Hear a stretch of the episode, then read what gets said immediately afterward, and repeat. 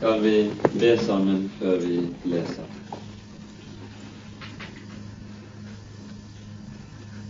Kjære Herre Jesus, vi takker deg for at vi skal forsamles i ditt navn. Vi takker deg, Herre, for det du har båret all vår skyld på ditt legeme på korset, sånn at vi skal få stå rene for Gud få være renset for alt vårt eget. Takk at du sto opp igjen av graven for å gi oss livet og lyset. Kjære Herre, nå ber vi deg at du vil være her hos oss med ditt eget liv, og la oss få lov til å fornemme at hos deg er livets kilde, og i ditt lys ser vi lys. Herre, kom du og ta.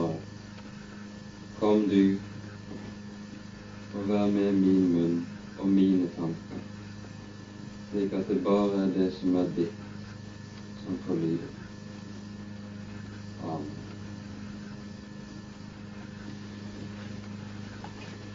Forrige ordinære bibeltime gjorde vi oss ferdig med det 14. kapittelet i første Korinterbrev, hvor apostelen dermed også har avsluttet det avsnittet i Korinterbrevet som handler om de kristnes gudstjenesteliv og fellesskap.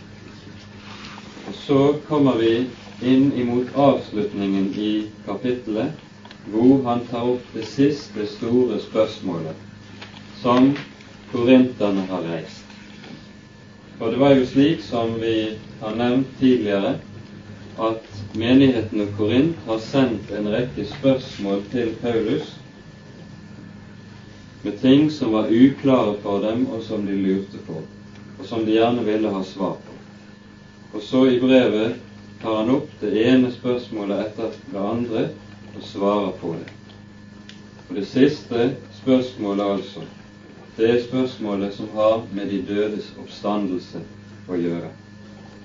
Og det er det hele det 15. kapittelet handler om. Vi rekker ikke å gå gjennom alt sammen i dag, men jeg tror vi skal lese gjennom halvparten av kapittelet nå. Jeg kunngjør dere brødre det evangelium som jeg forkynte dere, og som dere tok imot, og som dere står fast i, som dere òg blir frelst ved, dersom dere holder fast ved det ord hvormed jeg forkynte dere det, så fremt dere ikke forgjeves er kommet til troen. For jeg overga dere blant de første ting som jeg selv mottok, at Kristus døde for våre synder etter Skriftene, og at han ble begravet, og at han oppsto på den tredje dag etter Skriftene, og at han ble sett av Kefas, deretter av de tolv.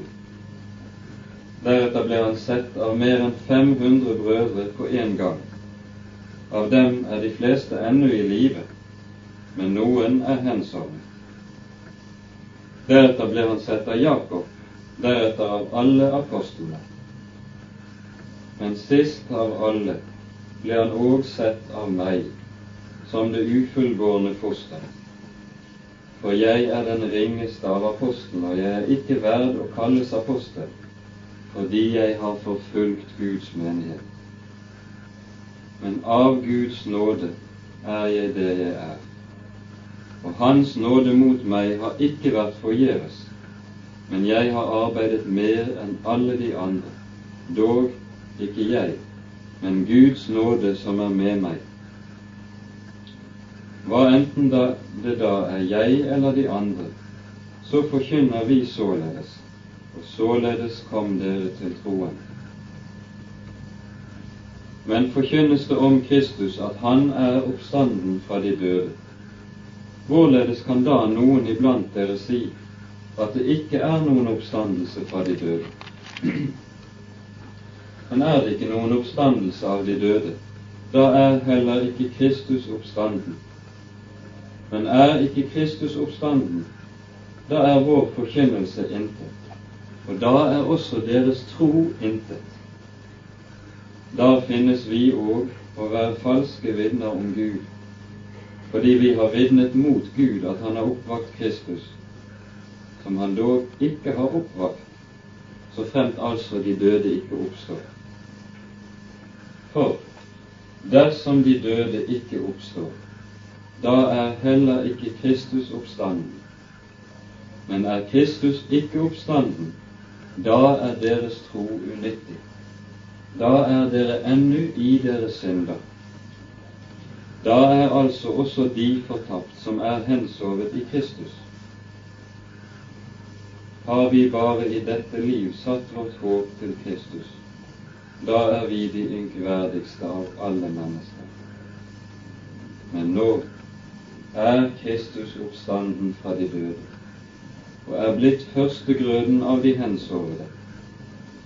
For ettersom døden er kommet ved et menneske, så er òg de dødes oppstandelse kommet ved et menneske.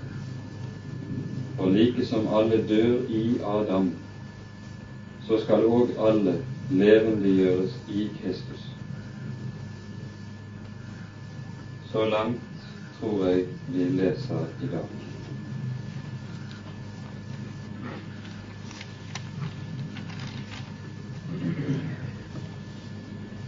Vi skal legge nøye merke til hvordan Paulus begynner dette kapittelet. For det som skjer, er at han minner dem om det som er de elementære tingene eller grunnvollene i troen. Og så gjør han det nettopp fordi at troen den kristne tro, den står og faller med hva?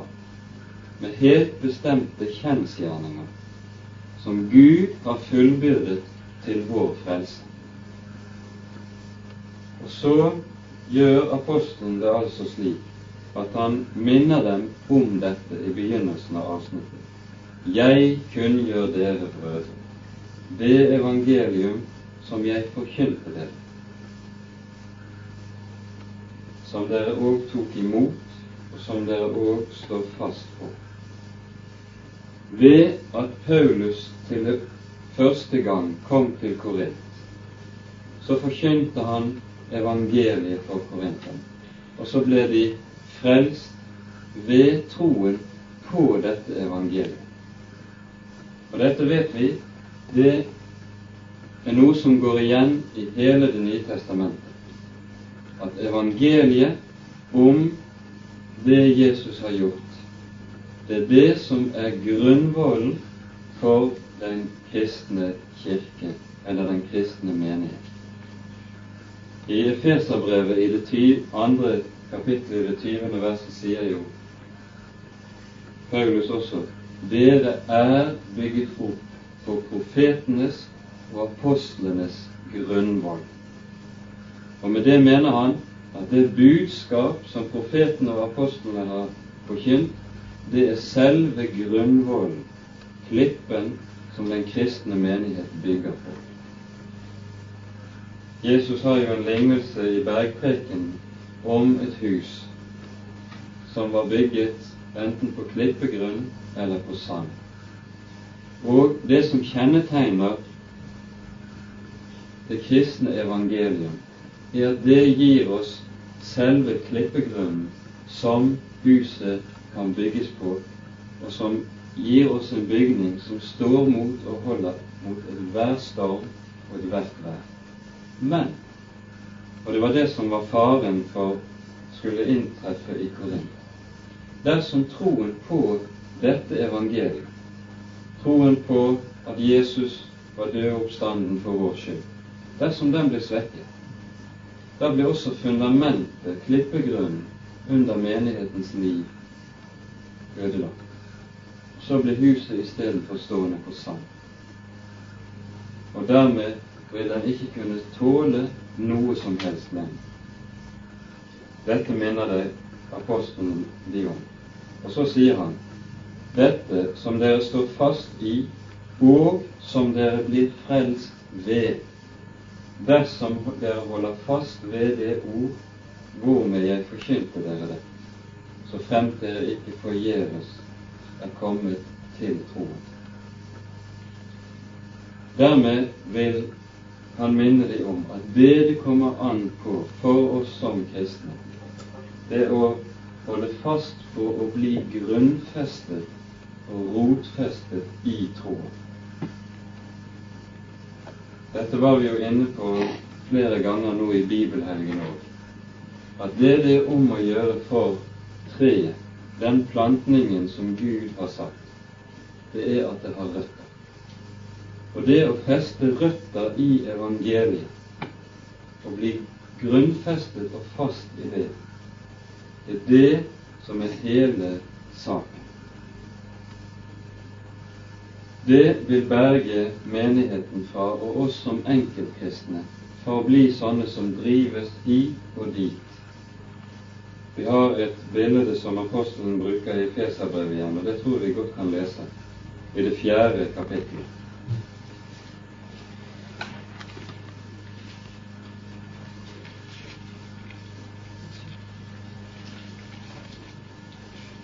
Efesane 4, vers 13 og 14. Her taler han om den kristne vekst og modenhet, eller rotfestelse, som er et annet ord for samme sak, og sier inntil vi alle når frem til enhet i tro på Gud selv, til kjennskap til Ham og til manns modenhet, og til aldersmålet for Kristi fylde. For at vi ikke lenger skal være umyndige og la oss kaste og drive om av ethvert lærdomsvær ved menneskenes spill, ved fløkt i villfarelsens kunster. Altså, vi skal ikke være sånn som bølgene, som drives hit og dit. Kommer vinden fra nord, så går bølgene den veien. Kommer vinden fra vest, så går bølgene den veien. Sånn skal vi ikke være som kristne, som bare lar oss drive hit og dit. Men det det er om å gjøre, er å feste rot i evangeliet, slik at vi blir bevart i Kristus. For det som er poenget her, er det apostelen sier her.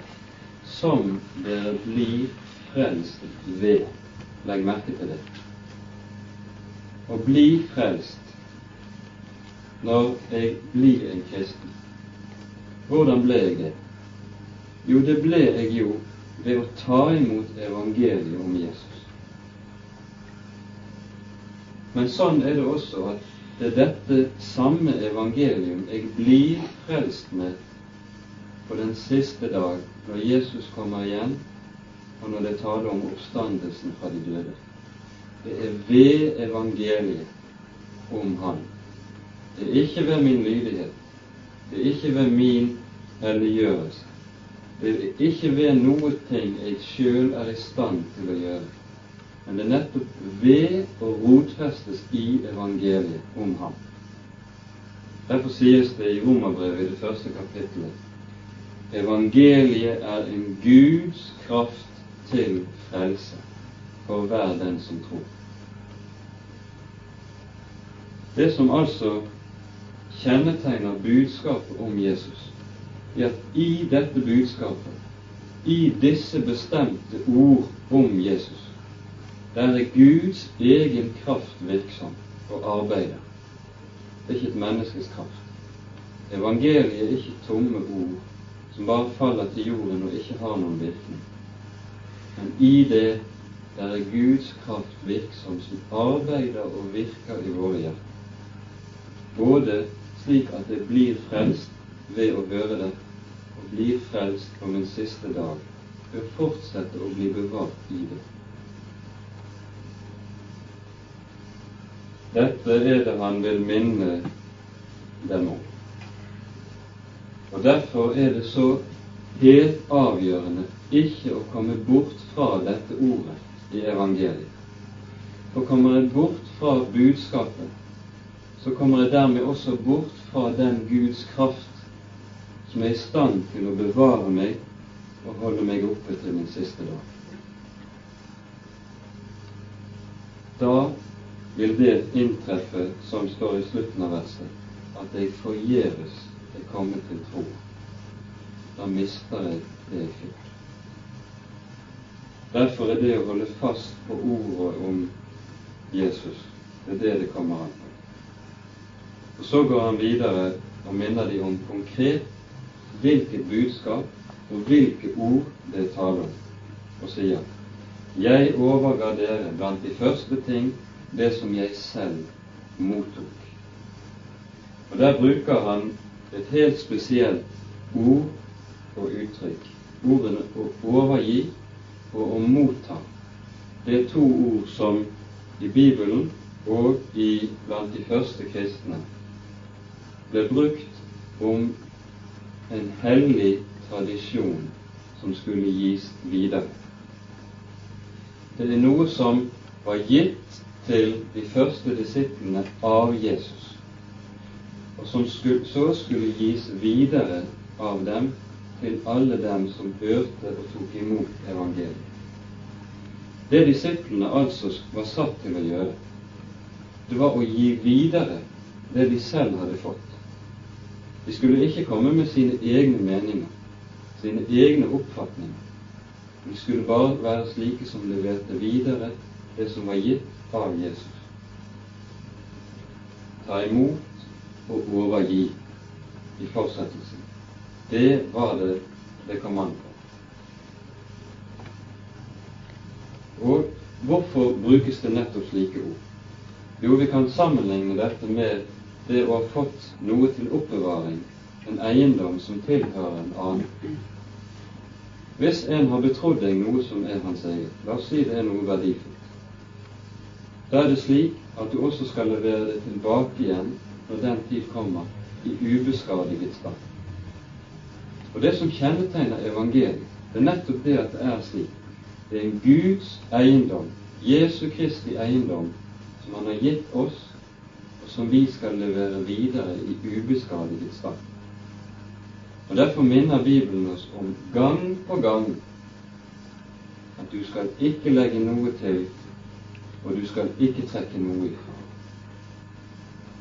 For ordet i Bibelen, det er ikke vår eiendom, det er Guds eiendom.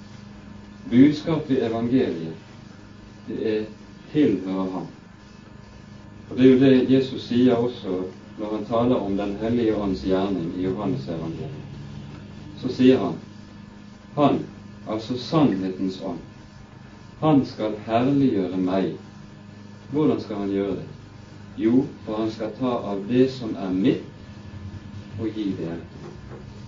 Den hellige ånd, selv han, han kommer ikke med noe av sitt eget, men han gir videre til oss det som tilhører Jesus. Og Sånn er det også den kristne forkynnelse skal være. Og så kommer han med innholdet i hva det er. Og her skal vi merke oss hva det er Paulus har tatt imot, og som han gir videre. Det er ikke en bestemt morallære. Det var ikke sånn at Paulus hadde fått lære visse meninger av Jesus om hvordan man skulle leve og oppføre seg for å være et Guds barn, hvordan man skulle uh, skikke seg og tenke om Gud og andre slike ting. Nei. Det budskapet består av det bestemte, konkrete kjensgjerninger. Historiske kjensgjerninger. Det er det det består av. Og så lister han opp. Kristus døde for våre synder etter Skriften. Han ble begravet, og han oppsto på den tredje dag etter Skriften. Dette minner han de om. Han minner de om først om hva som er skjedd. Jesu død, begravelse og oppstandelse. Det er det som er skjedd. Og så sier han to andre ting. Han sier hva dette innebærer, nemlig at dette skjedde for oss. Det var ikke for sin egen del, men det var for oss Jesus døde. Det ordet som står på gresk, ordet 'for', når det står 'for oss, det betyr to ting som vi gjør vel i å legge merke til. Det ene er at det betyr at han døde for vår skyld. Og det andre som ligger i ordet, det er at han døde i vårt sted, istedenfor meg. Det var jo jeg som var skyldig til dommen og døden. Men Jesus går altså inn i mitt sted.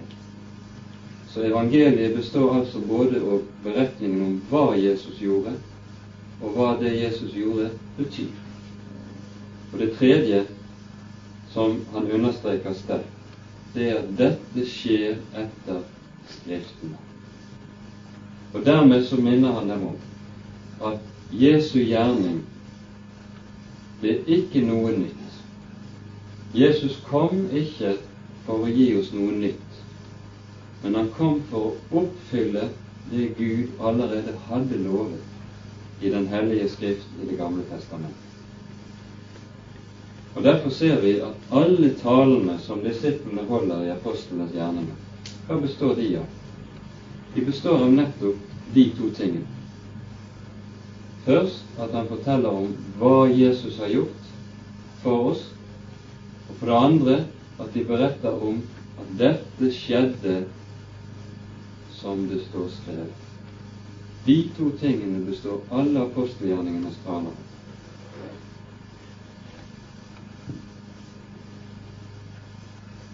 Vi kan kanskje spørre oss selv hvorfor nevner han Jesu begravelse spesielt her? Vi er jo vant til å sentrere om at det er Jesu død og Jesu oppstandelse som har særskilt betydning. Hvorfor nevner han det spesielt?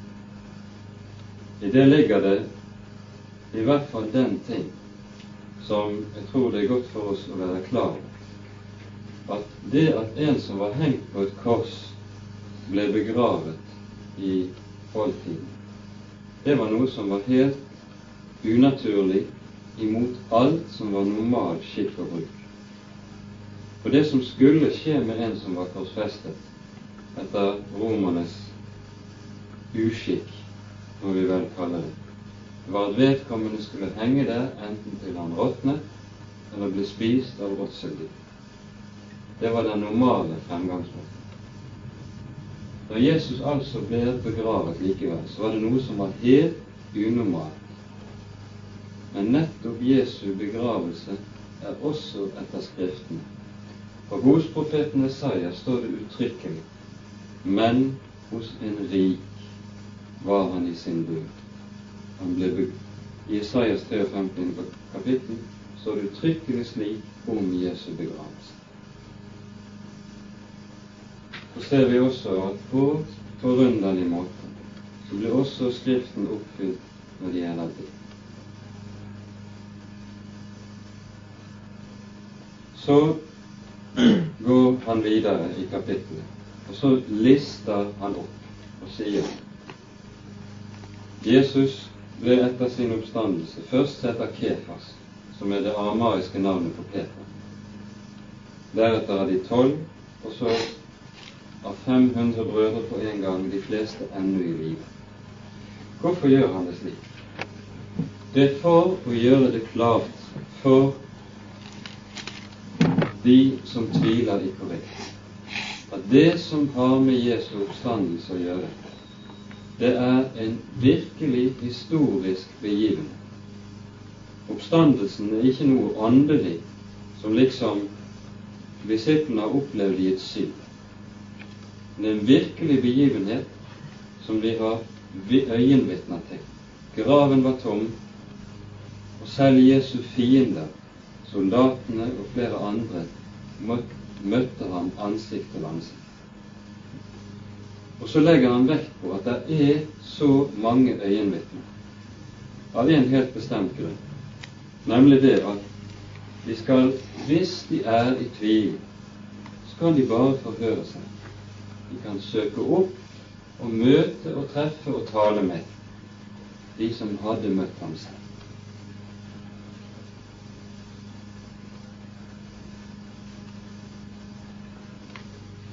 Det som kjennetegner beretningen om Jesu oppstandelse. Og det er noe vi skal merke oss. Den, den, han som regnes for den største kjenneren av oldtiden og klassisk historie, en danske som het Momsen, professor Momsen, han sier uttrykkelig at det er ingen begivenhet i oldtiden som er bedre bevitnet for oss enn nettopp Jesu oppstandelse.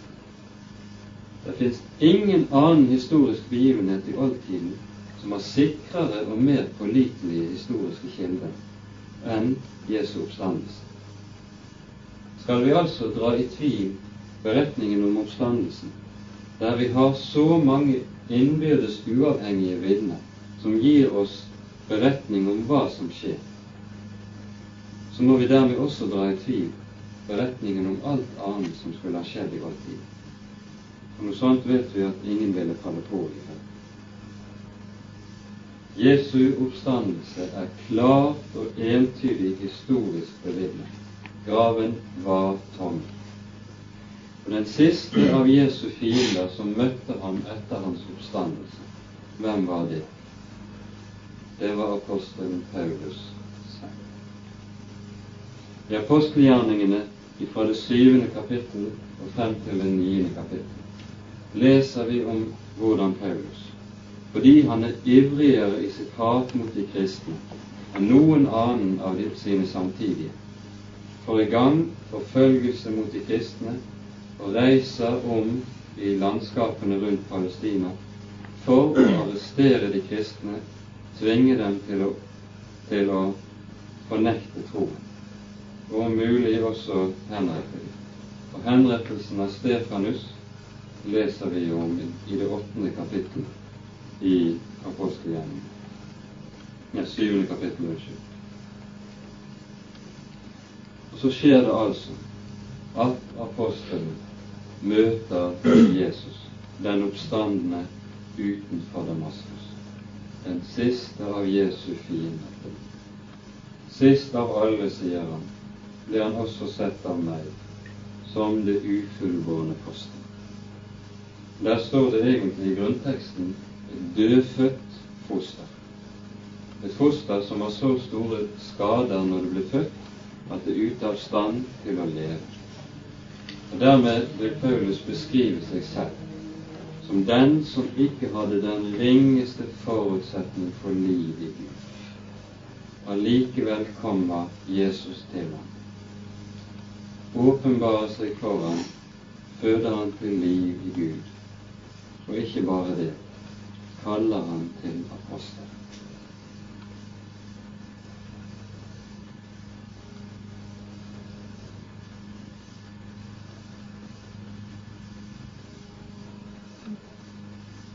så sier han noe om i det tiende verset Av Guds nåde er jeg det jeg er. Hans nåde mot meg har ikke vært forgjeves, men jeg har arbeidet mer enn de alle, dog ikke jeg, men Guds nåde som er med meg. Og Så understreker han så sterkt som overhodet kan at ikke bare var det av nåde, uten noen grunn i han selv, at Jesus kalte ham til å bli et Guds barn. Men like mye var det uten grunn i han selv han også ble satt til å være og bli en apostel.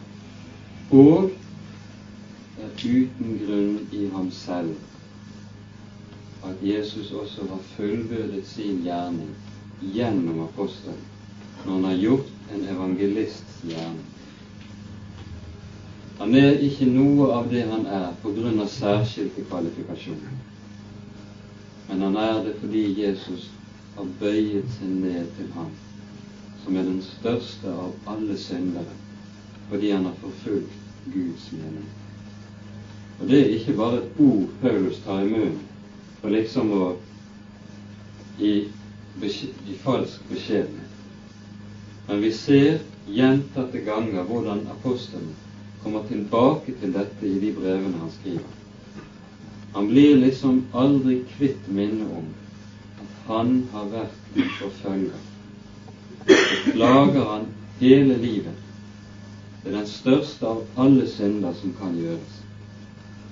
Det nager han og plager han, slik at han, det er alvor når han sier at han er den største av alle synder.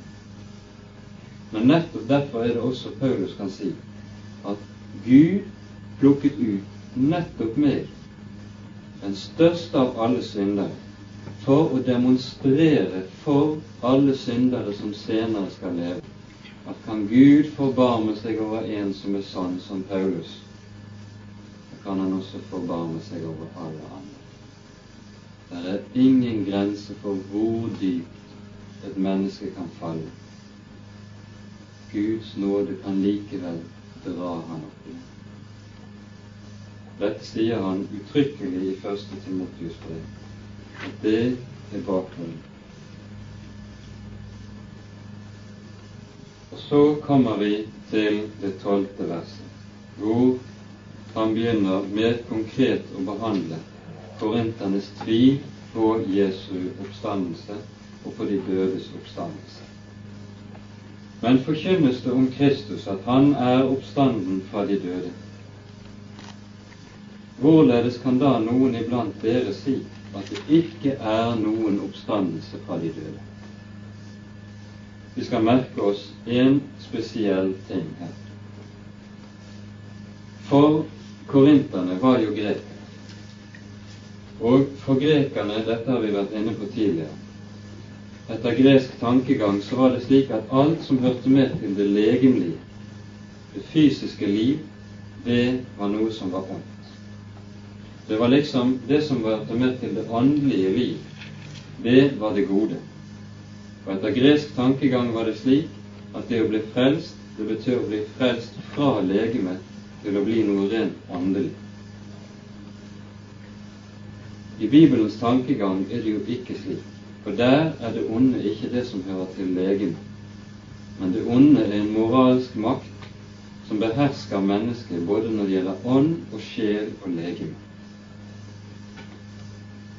Hvis, det, hvis man skulle tenke konsekvent, nemlig sånn som grekerne gjorde i Korint, at det legemlige var noe ondt, så ville det jo være helt urimelig at noen legemlig skulle stå opp fra de døde, at Gud skulle reise noen legemlig opp fra de døde. Det ville jo innebære at Gud gjenoppvakte det onde. Nei, frelsen består i å bli fri ved legemlig. Og Derfor er det ingen oppstandelse fra de døde. Slik tenkte korinterne. Og Det er jo en helt egen logikk i det, både ut ifra det som vi har vært inne på tidligere, at vi så på det som noe som var helt ubegripelig. At Gud av evighet kunne komme og bli menneske, kle seg i et legeme. Det betyr jo i gresk tankegang at Gud skulle forene seg med det ånden. Og det kunne ikke grekerne begripe. Og slik var det i kirkehistorien fra det første århundret helt frem til det femte århundret. At det var stadig strid i Kirken på bakgrunn av dette at grekerne de klarte ikke å svelge det. Men at Gud ble menneske, kledde seg i kjøtt og blod julenatt. Det er jo selve kjernen i evangeliet. Det Det står jo bokstavelig talt i Kolosserbrevet det andre kapittelet at i Kristus bor hele guddommens fylde legeme. Og legg merke til det ordet. Det står ikke bare litt av guddommens fylde, og at Gud bor åndelig i Kristus. Nei, hele guddommens fylde bor legemlig i Kristus. Kraftigere angrep på gresk tankegang kan man overhodet ikke tenke seg. På samme måte var det jo noe som var helt ubegripelig for grekerne, at en gud skulle kunne dø legemlig. Og likeledes at Guds sønn skulle oppstå legemlig fra graven. Dette var det korinterne strevet med i tankene sine. Og vi ser, hvis vi leser i apostelgjerningen i det 17. kapittel, der møter vi nettopp denne greske skepsis, hvor de kloke filosofene skulle høre Paulus når han kom for å forkynne evangeliet i Aten første gang. Så taler Paulus om Jesu oppstandelse i det 31. verset i apostelgjerningene 17. Så sier han at Gud har fastsatt en, en dag da han skal dømme verden med rettferdighet ved en mann som han har bestemt til det, etter at han har gitt fullgodt bevis for alle ved å reise ham opp fra de døde. Og så leser vi om reaksjonen. Da de hørte om de dødes oppstandelse, spottet noe. Men andre sa, vi vil høre deg enda en gang om dette. For grekerne var det latter. Så spottet de helt naturlig. Og andre var litt mer høflige. De spottet ikke. De ville ikke komme med en sånn direkte uhøflighet. Si det, vi vil heller høre deg en annen gang. Sånn som andre er høflige i dag og vil liksom skyve budskapet under oss, sier de. Vi kan snakkes en annen gang. Underforstått aldri mer.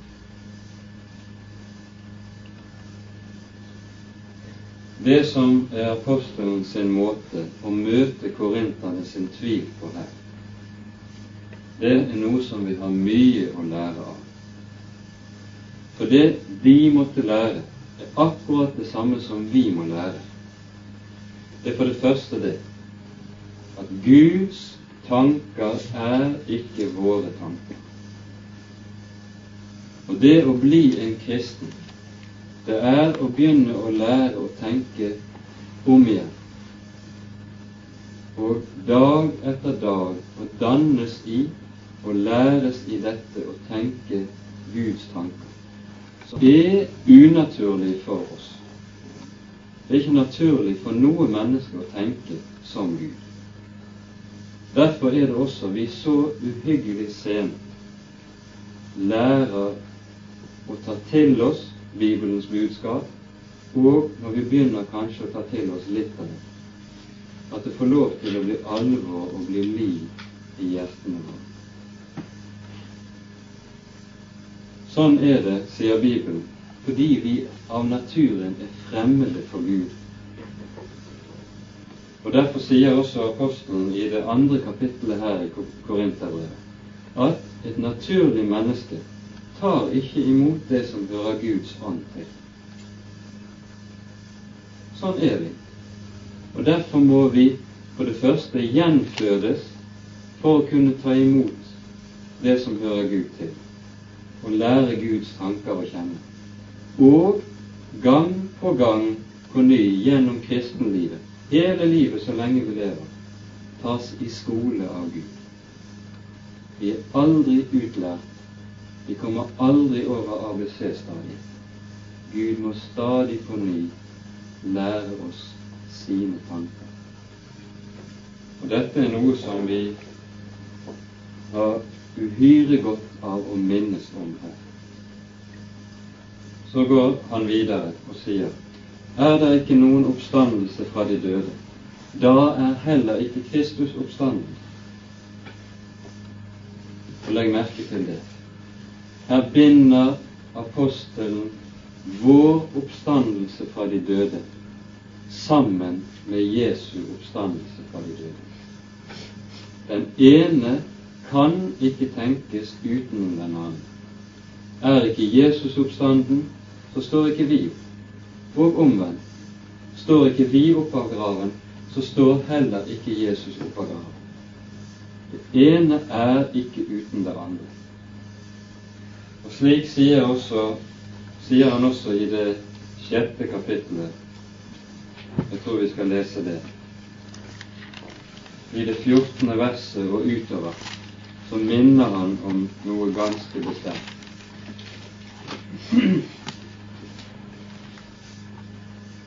Der sier han slik Gud har oppvakt Herren og skal også oppvekke oss ved sin kraft. Og så går han videre og sier Vet dere ikke at deres legemer er Kristi lemmer? Her sier han altså Dette er jo helt klart og konsekvent. At så sant vi tilhører Jesus, så er vi blitt lemmer på Jesu legeme. Og er det slik at Jesus, som er hodet for dette legemet, er reist opp av graven, så er det jo klart også at lemmene, resten av kroppen, også reises opp av graven. Han ble jo ikke bare halvveis levende, han ble helt levende. Har Gud oppvakt Herren, så skal han også oppvekke oss ved sin kraft. Så nær har Gud selv bundet vår oppstandelse med Jesu oppstandelse fra de døde.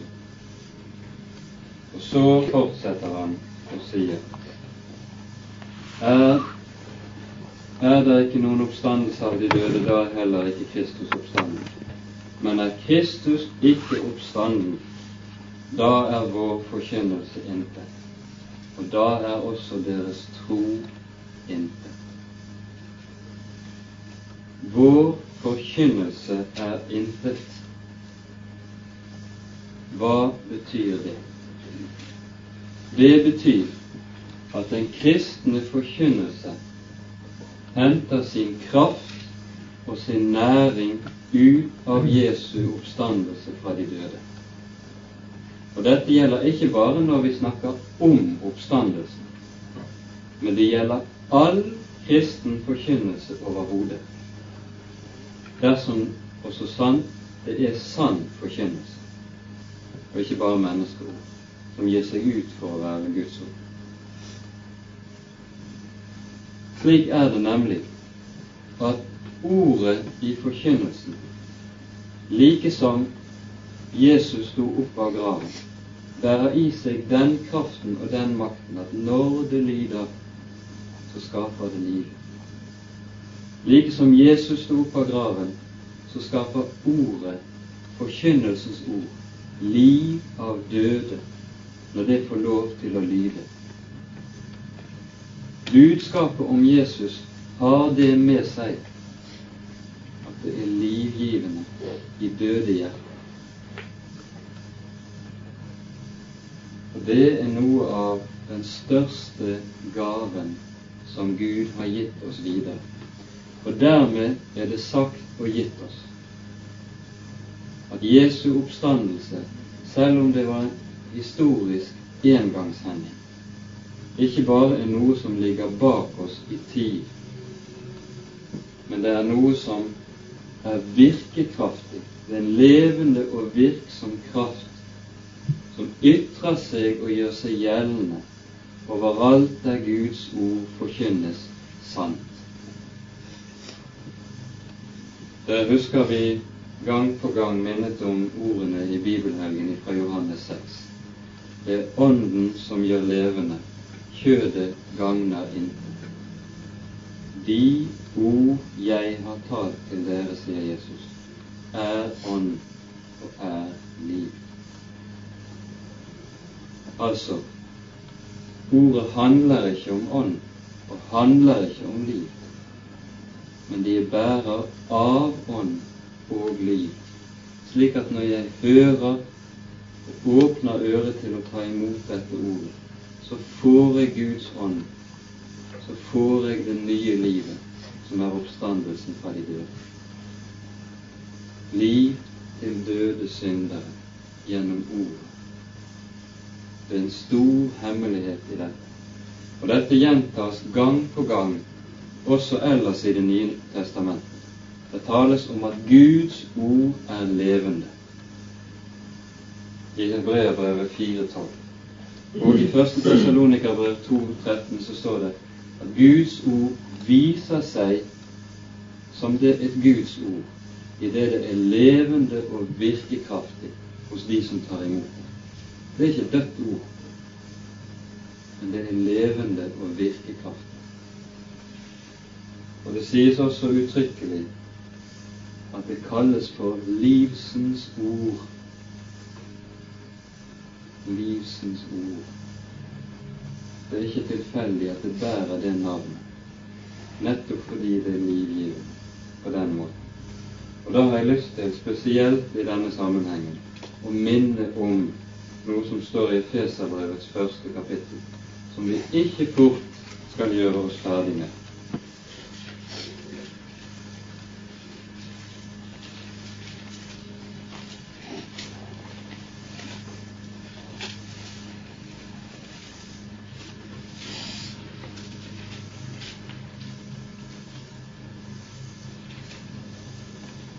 Her i Efeserbrevet så leser vi om hvorledes Paulus ber for den kristne menighet. Og det er helt bestemte bønnetemaer som går igjen hos ham. Det leser vi i andre sammenhenger òg.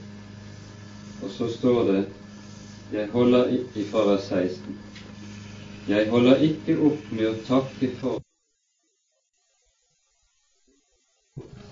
hvilket håp det er Han har kalt dere til, og hvor rik for herlighet Hans arv er iblant de hellige, og hvor overrettet stor Hans makt er for oss som tror, etter virksomheten av Hans veldige kraft, som Han viste på Kristus da Han oppvakte ham fra de døde og satte ham ved sin høyre hånd i himmelen. Og legg merke til dette. Hva er det han ber om at de skal få øyne til å se, få visdoms- og åpenbaringsånd til å kjenne og forstå? Hva er det de skal forstå? Jo, de skal forstå og se og kjenne rikdommen i Kristi herlighet og storheten i Hans makt. Hvor ytret denne makten seg da Han reiste ham fra de døde? Det er den livgivende kraften som ligger i ordet fra Guds munn, ordet om Jesus. Det er det han ber om at vi skal få lov til å få øyne til å se. For det er ikke noe som er enhver gitt å se det. Det er noe som må lukkes opp for oss og gis oss av Gud selv. Uten at han altså er slik stått opp av død og grav, er forkynnelsen unyttig, troen er intet, er et slag i luften. Og da, sier han, da finnes vi å være falske vitner mot Gud, fordi vi har vitnet mot Gud at Han har oppvakt Kristus, som Han dog ikke har oppvakt, så fremt altså de døde ikke oppstår. Og her skal vi se hvor alvorlig Paulus bedømmer det å tale vrangt om Gud. Det er å kalle Gud for en løgner. Så alvorlig bedømmes det. Og så går han videre. Dersom Krist, de døde ikke oppstår, da er heller ikke Kristus oppstanden. Men er Kristus ikke oppstanden, da er deres tro unyttig, og da er deres enda i deres synd. Og det skal vi også legge merke til. Hvis Jesus ikke stått opp, er troen unyttig. Hvorfor det? Er det ikke nok at han døde på korset for mine synder, og at jeg kan leve på syndenes forlatelse og være renset ved det? Er ikke det godt å tro, få lov å tro det, og at troen i hvert fall er virkekraftig så langt? Nei. Og det skal vi legge merke til. At det som er oppstandet, noe av oppstandelsens grunnkjennetegn, det er at det er, den er Guds stadfestelse på en bestemt ting, nemlig hva? At Jesus soning er fullbyrdet. Nå er straffen for din og min synd ferdig sonet. Så Gud behøver ikke lenger å straffe og dømme deg og meg som syndere. Han har dømt Jesus som synder for meg. Jesu oppstandelse er Guds eget vitnesbyrd om at nå er synden sonet. Gud har gjort seg ferdig med din synd, og du er fri for misgjerning. Hvis Jesus ikke hadde stått opp fra de døde, så hadde soningen og syndenes forlatelse bare tomme ord som det ikke var noe i. Og dermed hadde i sannhet troen vært unyttig og tom. Dette sies uttrykkelig flere steder, bl.a. der i apostelgjerningene 1731, som vi leste i sted.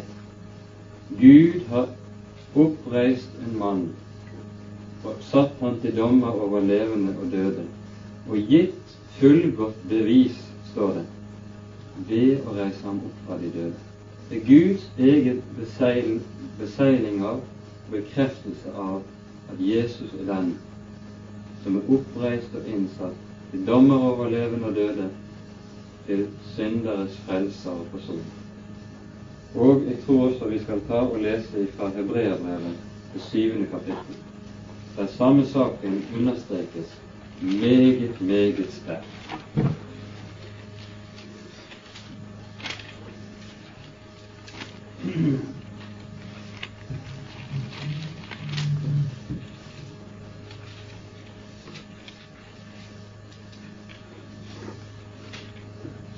Det syvende kapittelet her i Hebreabrevet handler om hvorledes Jesus er vår ypperste prest. Han ble jo salvet av Gud til å være vår ypperste prest for å sone våre synder. Og så dras det en sammenligning mellom yppersteprestene som gjorde tjeneste i tempelet. De døde nemlig. Og det var et vitnesbyrd om at deres tjeneste aldri kunne bringe virkelig tilgivelse for synd. Aldri kunne bringe virkelig håp og liv. Og så står det slik i vers 16 om Jesus. Han er blitt ypperste prest, nemlig ikke ifølge et kjødelig buds lov, men ifølge et uforgjengelig livs kraft, nemlig som har vist seg ved oppstandelsen fra de døde.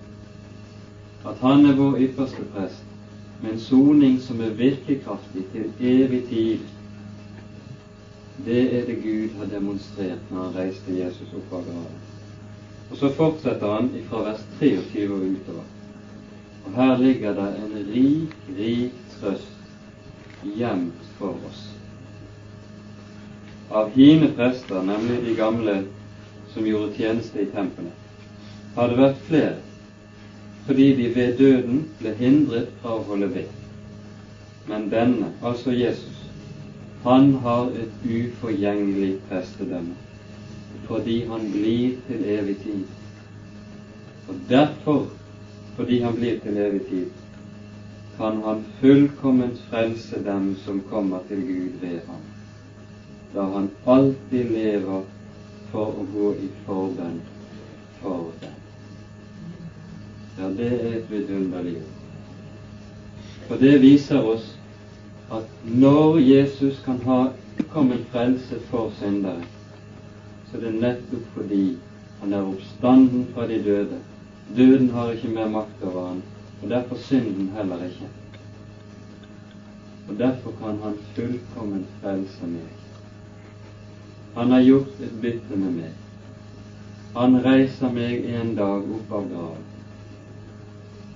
Og den dagen skal jeg stå i himmelen hos Gud. Og jeg skal ikke bære noen merker av liv i synd alle merker som synden har satt i mitt liv, alle spor som jeg bærer av synden, i både sinn og tanke og følelsesliv, og på kroppen og sjelen òg. Det har Han visket vekk den dagen jeg reises opp av graven. Og han lager en ny himmel og en ny jord, der rettferdighet bor. Og legg merke til det er bare én som i evigheten bærer merker etter synd. Det er Jesus. Han bærer evig tid naglemerkene i hendene, sårene på panen, spydmerket i siden. Hans må i evighet bære merker etter din og min synd, for at vi i evighet skal få være fri. Derfor står det beskrevet hvorledes Jesus viser disiplene naglemerkene. du og jeg skal ikke ha det minste spor etter synd, for han kan fullkommen frelse de som kommer til Gud ved ham. Noe større kan vi ikke tenke oss. Og er derfor, sier altså apostelen, er Kristus ikke oppstanden, da er deres tro unyttig. Da er dere enda i deres synd. Da er altså også de fortapt som er hensovet i Kristus. For er det slik at de som lever, har trodd unyttig, så er det jo likeledes med de døde. Da er det forgjeves både for levende og død. Men det er nettopp det det ikke er. Gud har sørget for at det er vitnefast. At det er liv av døde og liv for døde. Har vi bare i dette liv satt vårt håp til Kristus, da er vi de ynkeligste av alle mennesker. Og det er jo sant. Da er vi slike som ikke har et mål. For det kristne liv sammenlignes jo ofte med en pilegrimsvandring hvor du går mot målet. Og da vandrer du gjennom livet uten mål, dermed uten mening, uten håp også. Da blir vi like som om vi skulle være lik Israel, som var ledet ut av Egypt bare for å komme ut i en øde ørken uten å ha et lovet land som fløt av melk og honning og skulle komme til. Har vi bare i dette liv satt vårt håp til Kristus, da er vi de ynkeligste av alle mennesker. Men nå er Kristus oppstanden fra de døde og er blitt førstegrøden av de hensovne. Både har Gud gitt oss mennesker som vitner om det, klart og tydelig, og Gud selv vitner om det hver gang Han kommer og føder syndere på ny til liv i Gud.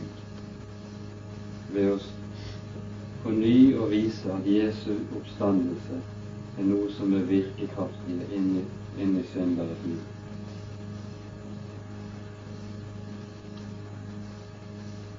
Det Jesus gjør altså når han reises opp og kommer ut av graven, det er at han kommer ut av graven bærende med seg evangeliet til syndere. Det er den ballasten, det er den seiersprisen han har vunnet i dagene i graven. Han bærer med seg et evangelium som er for syndere. Da ble det åpnet en kilde som det står om i Sakarias i det 13. kapittelet. Og det har jeg lyst til at vi skal lese sammen.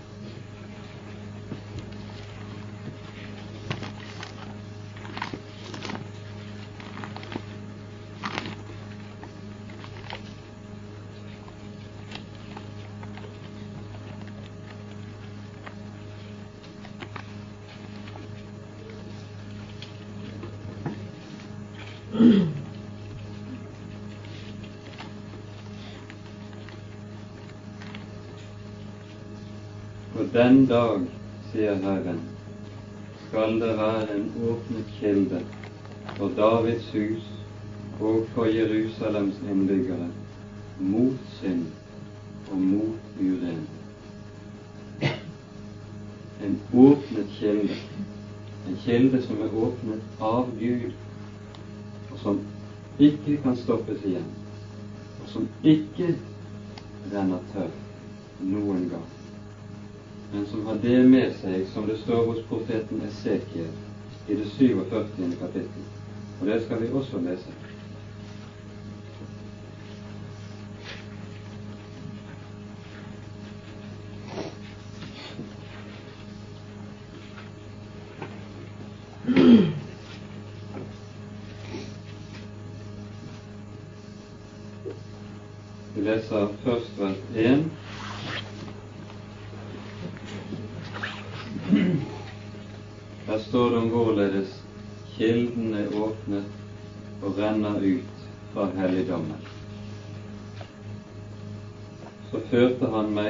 Tilbake til husets inngang, og se, det kom vann ut under husets dørterskel mot øst.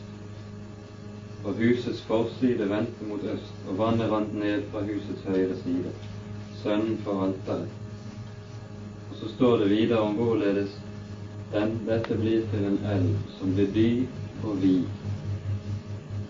Og så står det fra vers 7. Da jeg vendte tilbake, se, der sto det på bekkens bredd en stor mengde trær på begge sider. Og Herren sa til meg, dette vann rinner til østbygdene og videre ned i ødemarken og faller så i havet, altså i Dødehavet. Og når det ledes ut i havet, blir vannet sunt Altså, det har det med seg at det gjør sunt. Det døde hav blir friskt. Bildet på at noe er gjenopprettet. Og dermed er vi tilbake i Edens hage. For vi leser om to særlige kjennetegn på livet, som begge ble avstengt den dagen mennesket, ble, mennesket falt i synd og vist ut av Edens hage, og jorden ble lagt under forbannelse. Da kom døden inn i verden. Der, midt i hagen, sto for det første livets tre. Og ved foten av livets tre rant der ut fire elver som vannet hele jorden. Fire friske, klare kilder. Og der skal vi merke oss at firetallet det er jo symbolet på jorden det som renner ut i alle himmelretninger for å vanne og gi liv til all jorden. Og nettopp slik er det kilden med den kilden som ble åpnet ved Jesu grav. Den renner ut, blir dypere og videre. Den gjør alt friskt som den kommer i berøring med. Den renner ut til alle fire verdenshjørner, til alle folkeslag. det som var stengt den dag ved fallet, det åpnes igjen. Adgangen til livets tre blir på samme måten åpnet for for å gi liv til død. Derfor er det også det står om Adam her i de siste versene som vi leser. Og vi rekker ikke å si stort mer om det i dag. Nå har vi holdt på lenge. Det får vi ta og fortsette på neste gang. Men her ligger hele hemmeligheten med det kristne liv. Ikke bare livet etter døden, men livet her som Gud skal ha. Et liv som veller frem av den kilden som ble åpnet ved Jesu kors og ved Jesu oppstandelse. Der står det om i alle evangeliene både når Jesus døde, så var det et stort jordskjelv over hele landet. Og når han sto opp igjen, var det det samme. Et stort og kraftig jordskjelv som gikk over hele landet. Den gamle jorden ristet i sine sammenhengføyninger for at det skulle åpnes den kilden som renner ut for synder den dag i dag. Der tror jeg vi stanser.